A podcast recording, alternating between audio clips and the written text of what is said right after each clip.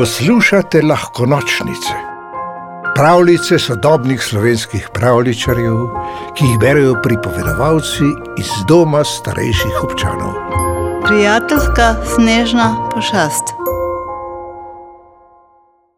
Gozdne otroke je prve decembrske dni razveselil sneg. Smrčke in klunčke so tiščali kokenskim steklom in navdušeno opazovali naletavanje snežink. Kadar sneži, je gost čarobno tih, vse zvoke je slišati, kot da so zelo oddaljeni ali kot da bi prihajali iz podpirnice. Uživali so v tej opladinjeni tišini in komaj čakali, da bo nehalo snežiti in jih bodo mame pustile ven. Zjutraj se je zasneženi gost v soncu pravlično lesketal. Mačke je tako močno vabil, da so zajtrk kar zmetali vase in se pognali v mehko belino. Drevesni škratek Maurici in veverička Srečka, ki sta skupaj stanovala v hišici na hrastovem mraču, pa sta še kar spala. Pred rame je še lepo hodrnjohec, ki je prizemoval tri veje nad njima. Maurici, Srečka, bodite ste že, drugače bom znoril, je klical. Ne morem spati, ker se začek hops in jelenček poskok derata kot jesiharja.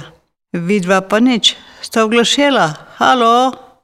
Škratek je pomolil razkuštrano glavo skozi hišna vrata in zazehal. No, končno, je izpod hrasta zaslišal Hopsa. Pridite za spanca. Gremo na jagodno jaso delat sneženega zajca? Sneženo, veverico, juhu, je zavrisnila srečka. Švrknila mimo sonce mižikajočega Mauricija in že bila na tleh. Škratek ni bil tako uren, na tleh je bil hitro. Z majhnimi koraki pa ni mogel slediti poskakovanju veverice in zajčka ter diru jelenčka. Ko je prigazil na jagodno jaso, so prijatelji in drugi mladiči že valili in oblikovali kepe za sneženo kiparjenje. Pa tudi prepir se je že vnil. Ne, lisička repatka, ne in ne. Tvoje kepe so preveč okrogle za jelenje noge, se je razburil jelenček poskok.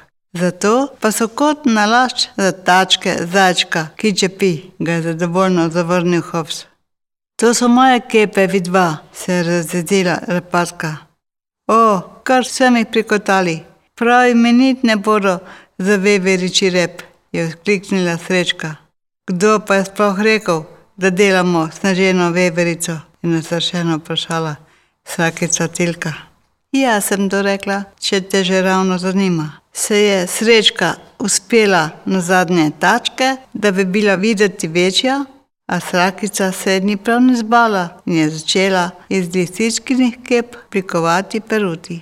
Tole sploh ni podobno Jelenu, se je kujal poskok in v jezi potacal vse, kar so privalili na kup. Potem so začeli vse prekričati in se prepirati.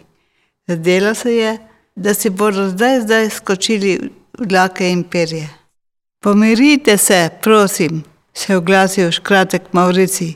Snega je čez glavo dovolj, da naredimo neženega zajca, veverico, jelena, srako, lisico, škrata in vse ostalo.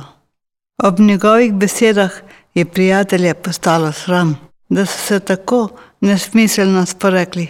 Drug drugemu so se opravičili in se složno zagnali na delo. Ko so na jasi stali sneženi kipi vseh prisotnih, so naredili še medveda in polha, ki so zabavo kajpak prespala. In še jim ni bilo dovolj. Naredimo nekaj velikega, kar bo podobno vsem nam in vendar nikomor je predlagala sraka Tilka. To bo hec, so od nadušenja zacepetali, poskočili in zaprhotali prijatelji. Kmalo je sredi jase stalo nekaj, kar je veverica poimenovala sneženo strašilo. Imelo je medvedji trup, jelenje rogove, zajče ošesa, veveriči rep, lisiči smrček, srakine peruti in na glavi škratjo kapo. Tole je pravi sneženi spomenik našega prijateljstva, je pomodroval škratek Maurici in vsi so mu ganjeno pritrdili. Začelo se je mračiti in treba je bilo domov na večerjo. Tisto noč so vsi v gozdu spokojno in sladko spali, čeprav je sijala polna luna. Po polni luni navadno ni bilo miru. Bog Konstantin je zavijal in tulil, da jim je paralo všesa. Konstantin je bil edini volk v gozdu, res pravi volk samotar. Kot mladič se je oddaljil od svojega tropa in se je izgubil. Sploh ni vedel, odkot je. Na vse prijazen je bil, a vedno nekam žalosten. Prebivalcem gozda se je smilil, ker je tako sam. Zato so mu razgrajanje v polni luni iskreno oprostili. Se sprašujete, zakaj tiste noči volk ni tulil v luno? O, saj je imel namen, ako je prišel na jagno jaso, odkudar je imel najčistejši pogled v nebo, je si polne lune na snežno odejo naslikal gromozansko in na moč grozljivo senco. Imela je medvedji trup, jelenje rogove, dače všesa, veveriči rep, lisiči smrček, srakine peruti in škratjo kapo na glavi. Česa takega Konstantin v življenju še ni videl. Prepričan je bil, da je na jasi pošast. Kljub volčjemu pogumu se je prestrašil kot zajec in zbežal domov.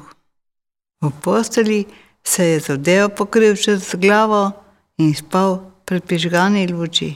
Zjutraj se je zbudil vrso motečen in še bolj žalosten kot sicer. Po boljšo voljo pa so ga spravili gozdni otroci, ki so ga povabili, naj se ogleda njihovo snaženo strašilo. Konstantin je takoj vedel, da je to tista pošast, ki ga je pognala v beg. Sam sebi se je zasmejal in ves strah je bil pozabljen. Pridružil se je kepanju in tričanju, potem pa so skupaj naredili še velikega sneženega volka. Konstantin se ni mogel spomniti, kdaj je bil na zadnje tako vesel in srečen. Sploh, ko jih je še lisičkina mama povabila na vroč kamilični čaj in piškote z marmelado. Pravljico napisala Damjana Kenda Husu, pripovedovala Logar Vera.